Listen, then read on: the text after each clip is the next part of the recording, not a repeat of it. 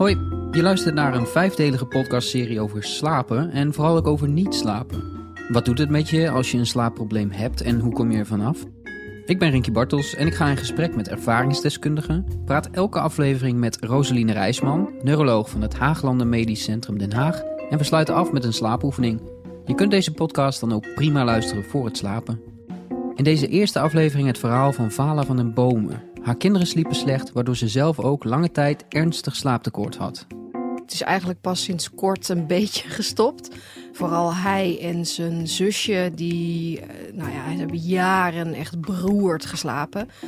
Uh, tien keer per nacht uh, wakker en maximaal twee uur slaap op een nacht. En dat hield, nou ja, ik denk ongeveer een beetje op toen mijn oudste dochter vier was. En die is nu zes. Dus uh, dat heeft uh, behoorlijk lang geduurd. Ik heb zelf geen kinderen, dus ik kan echt helemaal niks bij, bij voorstellen. Maar... Het is echt een hel. Het is echt een hel. Wat was het probleem uiteindelijk? Was het dat ze moeilijk in slaap konden komen? Nou, in slaap konden komen was nooit het probleem. Dat ging altijd wel meteen. Maar dan werden ze vervolgens rond een uur of elf of zo... werden ze gewoon uh, weer wakker. En dan uh, zetten ze de polonaise in uh, door hun bed. En dat ging dan door tot een uur of vijf, zes s morgens. En wat betekent dat voor jou? Wat blijft er aan slaap over voor jou? Nou, ik ben heel lang ben ik om zeven uur s avonds naar bed gegaan. Uh, omdat ik anders gewoon uh, niet, niet sliep de hele nacht. Dus dan had ik in ieder geval nog uh, nou, drie, vier uur slaap. en dan was ik de rest van de nacht was ik eigenlijk gewoon wakker. Was je voordat deze problemen zich voordeden, was je toen al een, was je een goede slaper? Ja, altijd. Altijd? Ja. Dus dat veranderde echt in één klap? Ja, dat was in één klap uh, over. Ik, bedoel, ik heb nooit slaapproblemen gehad. Ik uh, raak mijn kussen en dan ben ik weg. Maar uh, dat was wel over nadat die kinderen kwamen. Ik moet je eerlijk zeggen dat ik me soms nog steeds wel eens afvraag hoe ik het overleefd heb. Maar ja, wat, wat, zit, er, wat zit er anders op om te doen dan maar weer iedere dag huilend om vijf uur de koffie rechtstreeks in je aderen te injecteren, zeg maar. Dat was dan maar ja, wat ik deed, uh, ja, je slaapt twee uur per nacht en daar doe je het dan op. Maar ik werd er wel natuurlijk uh, gewoon een beetje gek van. Letterlijk. Uh, depressief, chagrijnig. Ik had, ik had echt zoiets van, ja, waar, waar, waar doe ik het allemaal nog voor of zo? Dus het heeft wel effect gehad op, op, op alles eigenlijk. En, en ook hoe ik die eerste jaren met die kinderen heb beleefd. Want ik, ik vond het gewoon helemaal niet leuk. En ging je daardoor ook twijfelen aan het ouderschap zelf? Ja, dat denk ik wel. Ik heb wel heel vaak gedacht van waar ben ik in Gods vredesnaam aan begonnen en waarom wilde ik dit en waarom is dit leuk? Want uh, als je niet slaapt, dan kun je gewoon helemaal niks meer hebben.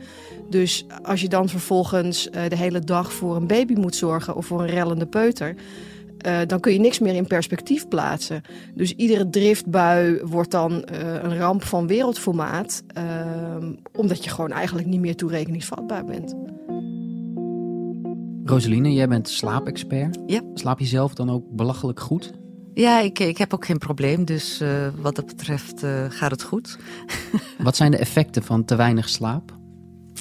Te weinig slapen kan uh, aanvankelijk natuurlijk moeheid en slaperigheid de volgende dag geven aandacht- en concentratieproblemen geven. Maar geeft ook een verhoogde kans op stemmingsproblemen. Een, dubbele, uh, twee keer zo hoge kans dan bij de algemene bevolking. Dus op depressie. En ook uh, hogere kans op angststoornissen. Maar later kan het ook uh, effecten geven. Hoger risico op hart- en vaatziekten, hoge bloeddruk of ritmestoornissen. En, um, het kan ook een verhoogde kans op, uh, op diabetes geven. Dus de gevoeligheid voor insuline uh, kan minder worden door tekort aan slapen. En je afweersysteem kan verminderen, dus dat je makkelijker uh, ziek wordt. Dus dat zijn belangrijke lange termijn effecten die kunnen optreden bij slecht slapen. Je hebt wel gekozen voor nog een tweede kind. Ja. En uiteindelijk zelfs nog voor een derde kind. Ja, nou ja, um, het is een beetje lullig om te zeggen, maar voor die derde heb ik niet helemaal gekozen. en die kwam er opeens. En um, dat was juist door dat slaapgebrek wat ik had gehad en wat toen net een klein beetje over was, uh, dacht ik ook echt van, oh, ik, ik kan dit helemaal niet. Ik, ik, hoe moet ik dit in Gods vredesnaam nog een keer gaan doen? Nu ga ik echt dood als deze baby komt en ik ga weer niet slapen. Was dat ook echt je gedachte? Ja, nou ja, ik, ik dacht wel, ik, ik weet gewoon niet hoe ik dit ga doen. Ik weet niet hoe ik dit nog een keer vier jaar lang ga overleven. Dus ik heb negen maanden lang echt met mijn ziel onder mijn arm gelopen tijdens die zwangerschap. Omdat ik gewoon dacht, ja, dit, dit trek ik niet. Ik kan dit gewoon niet nog een keer. Ik ben er net van af. Ik ben net weer een beetje onder de levende. En nu moet ik het gewoon weer opnieuw gaan doen. En hoe was de rolverdeling? Was jij altijd de verantwoordelijke? Ja, ik, ehm, nou ja, goed, dat, dat, dat was natuurlijk een beetje het geëikte probleem hè, wat heel veel ehm, mannen en vrouwen hebben. Ik was degene die eruit ging s'nachts. Hij hoorde het niet. Ik trok die verantwoordelijkheid ook heel erg naar me toe. Dus het voelde eigenlijk alsof je er alleen voor stond? Ja, heel erg. Ja, um, vooral in situaties dat ik dan weer een hele nacht op was geweest en helemaal kapot was. En dat hij dan s ochtends uit zijn bed gestiefeld kwam en zei: Oh, ik ben zo moe. Weet je wel, dan dacht ik: Ja, uh, hallo. Dat is natuurlijk een veel voorkomend probleem uh, bij heel veel stellen. Ik moet natuurlijk wel zeggen dat ik die zorgtaak ook naar me toe trok. Ik ben een, ik ben een moeder natuurlijk. En in de huidige uh, maatschappij uh, ligt er heel veel druk op, op, op vrouwen en op moeders. Zeker als het gaat om, om de verzorging van je kinderen en hoe je daarmee omgaat. En mijn, mijn ex, die zei op een gegeven moment bij onze zoon gewoon van uh, ja laat hem maar verrekken, bij wijze van spreken. Hij heeft een schone luier, hij is niet ziek, hij is gevoed. Laat Bekijk het, maar, het maar, laat hem maar huilen. Uh, want uh, wij moeten ook slapen. En uh, hij moet leren dat we niet altijd komen. Hè, en dan hebben we het hier natuurlijk niet over een baby van drie weken, maar wel over een baby van zes maanden. en ik, ja, ik kon dat niet. Want ik had allemaal dingen gelezen over hechtingstoornissen. En hè, dat, dat dat slecht was voor, voor je baby. En dat hij daar getraumatiseerd van zou raken. En dus ik, ik kon dat niet. Dus ik ging er wel tien keer per nacht uit. En ik lag wel op, op de grond naast zijn ledikant uh, uh, liedjes te zingen en, uh, en dansjes te doen en zo. terwijl hij gewoon zoiets had van, bekijk het maar. Ik ga er niet aan beginnen. En achteraf gezien denk ik dat hij daar ook gewoon gelijk in had. Denk je er wel eens aan hoe het was geweest als de rolverdeling anders was? Als je bijvoorbeeld beter had gecommuniceerd samen? Ja, ik denk dat het dan wel, dat dat wel een groot verschil had gemaakt. Ja, ik denk dat dat, dat uiteindelijk uh, het huwelijk toch wel gewoon uh, genekt heeft. En daar hebben de slaapproblemen van je kinderen dus een groot aandeel in? Ik denk wel dat dat er zeker voor een groot deel mee te maken had, ja. Want ik was zo vermoeid uh, en zo overbelast eigenlijk door die vermoeidheid uh, dat er geen ruimte meer was voor iets anders. Functioneerde je nog over? Jawel, ik, ik functioneerde nog wel, maar eh, wel op het niveau van uh, dat, je, dat je alles, dat je eigenlijk alleen de dingen doet die je moet doen. Hè? Dus je kinderen verzorgen, uh, jezelf een klein beetje verzorgen, je boodschappen doen en dat soort dingen. Maar daar hield het dan ook wel mee op. Dat was eigenlijk, eigenlijk al te veel. En het, het was natuurlijk vooral mentaal dat het heel moeilijk was, omdat ik gewoon, uh, ik was gewoon kapot. Hebben de slaapproblemen nog negatieve of misschien zelfs wel positieve effecten gehad um, op de relatie tussen jou en je kinderen? Dat vind ik moeilijk te zeggen. Ik, ik, wat ik wel naar vind, is dat ik door die slaapproblemen een hele negatieve bijsmaak heb gekregen aan van de eerste jaren van mijn moederschap. Uh, hè, toen, toen mijn derde kind kwam, dat was helemaal geen slechte slaper. En toen merkte ik dat, je, dat er eigenlijk vrij weinig een probleem is als je maar uitgerust bent. En dat je dan veel meer aan kan. Um, en dat, dat daardoor het, het, het ouderschap en het moederschap ook veel lichter wordt. Um, omdat je gewoon reserves hebt. Ja, ik, ik vond het een openbaring met mijn derde kind al dat heel snel. Je gelijk al. Ja, heel snel. Want zij, zij sliep echt uh, nou ja, binnen zes weken uh, door. En daarvoor werd ze één keer per nacht wakker voor een voeding. Ik had echt zoiets van: oh, maar, maar dit, dit kan dus ook. En ik dacht, ja, kijk, weet je, als ik, als ik zo'n kind heb, ja, dan kan ik er wel tien uh, hebben. En ik heb heel lang gedacht, in die eerste jaren met mijn oudste twee kinderen, dat ik niet geschikt was voor het moederschap. Omdat ik het gewoon niet leuk vond. En nu achteraf, na mijn derde kind, weet ik dat dat niet met mij te maken had zozeer. Maar gewoon met het feit dat ik zo oververmoeid was. Dat ik nergens meer de leuke dingen van kon inzien. Het slaapprobleem van de kinderen van Vala wordt eigenlijk haar probleem. Krijgen jullie veel ouders op bezoek met slecht slapende kinderen? We krijgen uh, op, uh, we hebben speciaal uh, kinderslaapspreekuur. Dat doet een collega van mij met een slaappsycholoog die daar ook gespecialiseerd is in slaapstoornissen bij kinderen. En ja, daar is veel vraag naar. Ehm, dat kinderen slecht slapen. En dat heeft ook impact op, uh, op het slapen van de ouders. Uh, sommigen die uh, kunnen daarmee leven, dat, dat ze het accepteren. Maar het kan heel goed zijn dat het slechte slapen bij het kind ook onderhouden wordt door eigenlijk de interactie tussen moeder en kind. Dat herken ik een beetje uit het verhaal. Um, en uh, dat is natuurlijk niet de intentie van de aandacht die gegeven wordt, want uh, dat wordt met alle beste intenties gedaan. Maar soms kan gek genoeg daar een onderhoudend aspect in zitten.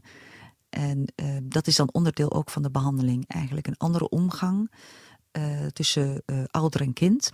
En um, ook het kind eigenlijk weer trainen om zelf in slaap te vallen. kinderen um, krijgen een bepaalde routine om s'avonds in slaap te vallen. En als die routine is met heel veel aandacht en heel veel uh, uh, ja, routine van, van een, een, dekentje, een, een, een, nog een, iets wat drinken, dan raken ze daaraan gewend en leren ze niet om zelf te ontspannen tot zelf slapen. Dus wat ze leren bij het inslapen wordt dan ook weer toegepast in de nacht. En als dat betekent heel veel aandacht en interactie met de ouder, dan moet die routine weer herhaald worden. En um, ja, de, de behandeling bestaat er dan uit om een nieuwe routine aan te leren. Dus je kind bijvoorbeeld met rust laten? Ja, en dat is natuurlijk heel moeilijk. Ja. Want uh, uh, je weet niet, het kind huilt, heeft het pijn. Of, uh, en, en, soms denk je wel eens, nou, ik kan beter meteen want dan houdt het minder lang en dan valt hij makkelijker in slaap. En dan kan ik ook weer sneller in slaap vallen. Dus die gedachten, die, die eigenlijk niet helpende gedachten zijn dat. En overtuigingen van dat het wel goed is. Maar dan moet je weer leren van nou, wat is dan wel een goede uh, interactie? En wat moet ik dan wel doen? Dat is iets wat, waar aandacht aan geschonken wordt om het te verbeteren. Onderschatten mensen dat? Dat die interactie van zo'n grote invloed is? Nou, ik denk niet dat het onderschat wordt. Maar de vraag is, de kwestie is meer van hoe moet ik het dan wel doen? En uh, als je zelf uh, weinig slaapt, omdat het kind veel huilt, dan, heb je, ja, dan is het elastiekje uh, is ook uitgerekt bij jezelf. En dan, de, de, dus dan, dan, dan, dan weet je het niet meer hoe het moet. En dan is begeleiding is dan gewenst. Je hebt er ook veel over geschreven en je schrijft ook dat het slaaptekort dat bij het ouderschap hoorde een van de ergste dingen is die je ooit hebt meegemaakt. En nou ja, er zijn nog wel andere dingen gebeurd in mijn leven, maar ik, ik, vond, ik vond dit echt heel heftig. Ja, absoluut. Uh, wat zijn de gevolgen naderhand voor jou? En je schrijft ook dat het je een, een soort trauma heeft opgeleverd. Ja, um, ik, ik merk nog steeds dat als ik een kleine baby hoor huilen, dat ik dat ik daar het, het, het angstzweet breekt me daar letterlijk uh, van uit. Uh, omdat dat zo bij mij terughaalt um, van al die nachten die ik wakker ben geweest met een krijzende baby op mijn op mijn arm die niet wilde slapen. Uh, en en uh, herinneringen terughaalt van dat ik ochtends letterlijk huilend aan de keukentafel zat. Weer omdat ik weer maar een uur slaap had gehad. En gewoon serieus niet wist hoe ik die dag weer uh, door moest komen. En voel je dat nu ook nog steeds met je, met je derde kind af en toe? Nee, want dat was gewoon. Kijk, mijn derde kind is nu twee. Um, dus die, die periode, die is, periode wel is wel voorbij. Ik merk wel dat zij zit toevallig nu weer in een periode dat ze s'nachts vaak wakker wordt. Um, en dat ik dan onmiddellijk een soort um, stressreactie krijg als ik haar s'nachts hoor huilen. Uh, en, en ik weet nu van, hè, dit is een fase. En over een paar weken dan houdt ze er weer mee op. Uh, uh, en er is niks aan de hand. Maar altijd zit nog steeds in mijn achterhoofd als zij s'nachts weer wakker wordt. Dat ik denk, oh god, nu is het weer gedaan met mijn slaap. Nu komt er weer een periode aan dat ik weer een jaar of een aantal maanden lang uh, niet slaap. Hoe is het nu met je slaap? Uh, nou, het kan beter nu, want ik heb dus nu een peuter die uh, iedere nacht weer een paar keer wakker is. En een uh, oudere dochter die iedere ochtend om half vijf uh, wakker is. Dus het kan beter, maar het is al veel beter dan het geweest Je hebt het ergste al gehad. Ik heb het ergste gehad, ja. Als, ik, als je van die, van die moeders die dan, die dan zeiden van... nou, die van mij sliep al na zes weken door. Dan dacht ik echt, nou, je moet niet bij me in de buurt komen. Want ik, ik word helemaal gek. En Mensen geven je ook van allerlei tips. Hè. Dan zeggen ze ja, maar, um, ja, maar je moet ook dit doen. Waar het op neerkomt is altijd dat jij het per definitie allemaal fout doet en dat je het anders had moeten doen. Dus als iemand dan tegen jou gaat zeggen, ja, maar als je nou dit doet, dan, eh, dan komt het helemaal goed. Weet je wel, ja, dan, dan word je gewoon eh, woest omdat je denkt van, van ja, denk, denk je nou dat ik dat, dat ik dat niet al lang heb gedaan uh, of zo. En je gaat ook aan jezelf twijfelen. Gewoon dat je echt denkt, ja, ik, ik doe iets fout. Iedereen's kinderen die slapen gewoon en, uh, en die van mij zijn de hele tijd wakker. Dus het zal wel aan mij liggen. Heb je daar een schuldgevoel over of kun je het nu enigszins relativeren? En... Nee, ik heb, ik heb nu absoluut geen schuldgevoel meer. Ik heb wel heel lang een, een schuldgevoel gehad, omdat ik, ik dacht echt dat ik, een, dat ik een slechte moeder was. Nou ja, dat, dat, dat er iets mis was met de hechting van mijn kinderen, dat ze, dat ze bang waren of dat ze zich op de een of andere manier uh, eenzaam voelden of, of in de steek gelaten of weet ik veel wat. En nu uh, weet ik gewoon dat dat, dat dat onzin is. En dat het ene kind nou eenmaal wel slaapt en het andere kind niet. En um, ik ben voor mijn derde kind precies dezelfde moeder geweest als voor mijn oudste twee kinderen. En zij sliep gewoon wel. Dus ik weet nu van ja, het, het lag niet aan mij. Het was gewoon zo. Hoe is de relatie nu met je kinderen? Goed. Ja, ik denk de relatie is nooit slecht geweest. Hmm. Dat is het gevoel wat ik had. Omdat ik het gevoel had van dat ik iets fout deed en dat ik ze, hè, ook dat ik ze niet kon troosten.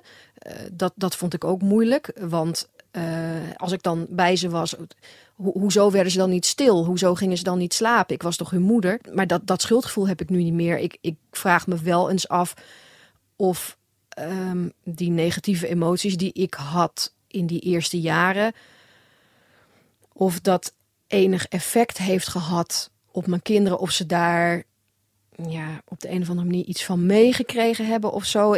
Ik merk daar nu niks van. Dus ik denk ook niet dat ik daar ooit echt een, een antwoord op zal hebben. Ik hoop dat het ze niet geschaad heeft. En ik denk van ja, ik heb, ik heb ze nooit. Uh, ik heb ze nooit iets aangedaan of zo. Ik ben nooit boos op ze geworden of zo. Je bent uh, altijd bij ze geweest. Ik ben altijd bij ze geweest. Ik heb ze altijd getroost. Dus dat, dat gevoel ligt natuurlijk vooral uh, um, bij mij. Wat, wat ik gewoon heel vervelend vind, is dat ik die eerste jaren um, als zo vervelend en zwaar heb ervaren. Want dat is gewoon zonde. Kun je door zo'n situatie een posttraumatische stoornis ontwikkelen? Uh, dat kan. Uh, in die zin dat uh, de, dezelfde situatie, ik hoor het een beetje terug. Als ik ergens een kind hoor huilen, dan voel ik het meteen in mijn lichaam. Met meteen angstreactie hoor ik haar zeggen. En, en ja, je kan dat een beetje posttraumatische stress noemen. Dat bij een, een prikkel die lijkt op die vorige situatie meteen die lichamelijke stressreactie geeft en ook de cascade van, van, van, van gedachten kan opwekken. En um, ja, om um, die gevoeligheid daarvoor is ingetreden, is geconditioneerd, is een reflex die optreedt. En die reflex kun je eigenlijk met de behandeling proberen weer eruit te halen. Wat kun je hier als uh, ouder tegen doen? Nou, er zijn twee uh, uh, invalshoeken bij dit probleem. Enerzijds is um, de interactie tussen kind en ouder veranderen. Dus eigenlijk het, het, het kind uh, weer leren van nou, hoe uh, kan ik zelf in slaap vallen. Dus eigenlijk twee, drie uur voor het slapen ook uh, het opslomen weer. Het ontspannen, een bepaalde vaste routine naar bed brengen. En um, negatieve aandacht vragen eigenlijk niet belonen.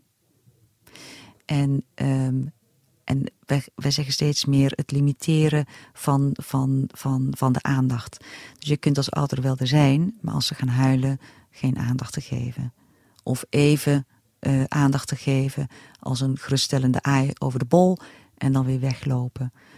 Dus dat, en wel uh, zorgen dat je uh, laat merken dat het een veilige omgeving is maar niet het, het negatief aandacht vragen belonen. Want dan traint een, een kindje dat eh, dat, dat, eh, dat, dat uh, werkt en dat prettig is. En dan is het logisch dat je dat onderhoudt. Dus doen kinderen dat bewust of spelen ze een spelletje met ons eigenlijk? Nou, ik weet niet of dat bewust is. Uh, aandacht krijgen is prettig. Uh, misschien wel een stukje, maar uh, waarschijnlijk niet geheel. Hele kleine baby's, die zijn zich daar niet zo van bewust. Maar misschien een kind van vier begint zich daar wel een beetje bewust van te worden. Als ik dit of dat doe, dan krijg ik aandacht. En, dan, dan, uh, dan, en dat is fijn. Maar je kunt ook leren om op een positieve manier aandacht te, te vragen. En dat is dan een training die je kan, die je kan starten. En belangrijk is ook, hè, twee, drie uur voor het slapen, nogmaals eigenlijk het uh, zorgen dat er een rustige omgeving is in de slaapkamer of uh, in huis. Dat het licht een beetje gedimd wordt. En uh, vaste tijden in en uit bed. Dat begint al vanaf hele jonge leeftijd dat dat effect heeft op, de latere, op, op je latere leeftijd. He, dus dat is ook altijd de vraag: wat is nature en wat is uh, nurture?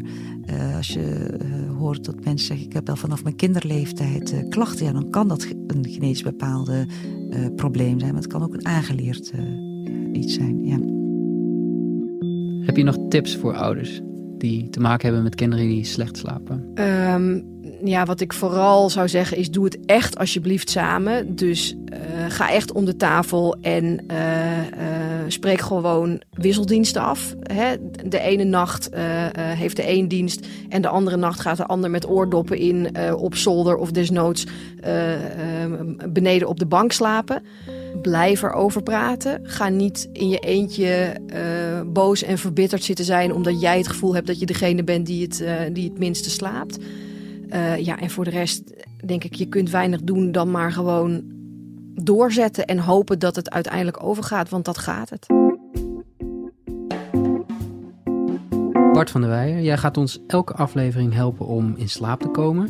In het dagelijks leven ben je eigenlijk onze autoredacteur bij de Volkskrant. Maar je hebt ook de meest ja, rustgevende en, en je, je hebt de zwoelste stem van onze redactie. Wauw, dankjewel. Dus daarom hebben we jou ook gekozen. Deze week ben ik uw slaapverwekkende stem, inderdaad. En wat gaan we doen vandaag? We gaan voorlezen. En voorlezen blijkt een probaat middel om in slaap te kunnen vallen. De gedachte is, als het bij je kinderen werkt, waarom zou het dan ook niet bij jou werken? Als je kijkt naar slaapexperts, die raden aan om voordat je gaat slapen een vaste dagelijkse routine aan te houden. Wat ga je lezen? Ik ga een verhaal voorlezen van, uh, van, van Biesheuvel. Dat heet Brommer op Zee. Je kunt zo meteen naar dit korte verhaal van ongeveer 10 minuten gaan luisteren. Maar ik wil eerst nog even melden wie er aan deze podcast hebben meegewerkt. Redactie Corine van Duin, Anna van den Bremer, Simone Eleveld en Laura Hisken. Eindredactie Dirk Jacob Nieuwboer. Montage en interviews Rinky Bartels. En dat ben ik. Slaap lekker. Isaac stond al uren op het achterdek. Hij was een aardige, maar een beetje vreemde jongen. Als hij aan boord werkte, verlangde hij naar een baantje aan de wal en als hij op kantoor zat, dan verlangde hij naar zee. Hij kon de saaie eentonigheid van het walbestaan niet verdragen en geld om te reizen had hij niet. Maar als hij op een schip was, dan had hij te maken met het ruwe gebral van de matrozen. Die kaarten met het mes op tafel en die elkaar en hem uitscholden voor alles wat mooi en lelijk was. Isaac hoorde er nooit bij. Op een schip paste hij nog het minst in de gemeenschap en juist daar dacht hij telkens weer de ware romantiek te vinden. Als het werk gedaan was, kon je hem altijd op het achterdek vinden. Het was nu al twee uur na middernacht, maar Isaac bleef staan, omdat het een maanheldere nacht was. Je kon alle sterren van het zuidelijk halfrond zien en het schroefwater. Er stond een heerlijk zoele wind. Als je goed keek, zag je ook de horizon. Of heel in de verte een schip dat, was Isaac een paar uur eerder geweest, recht op hem af was komen varen. Maar het kon gezichtsbedrog zijn. Isaac voer op een wilde vaartschip en zag s'nachts nooit schepen. Hij dacht eraan hoe lang het nog zou duren voor hij weer thuis was. Hij keek naar de windjes en de boulders en de gemakkelijke stoel die hij op het achterdek had neergezet. Op een gegeven moment zag Isaac het lichtje in de verte een zwenking maken. Het kwam nu recht op hem af. Toen het dichterbij was gekomen, kwam Isaac tot de conclusie dat het haast geen schip kon zijn. Omdat het zo onderhevig was aan de beweging der golven en omdat het maar één lichtje was. Een schip met alleen een heklicht aan?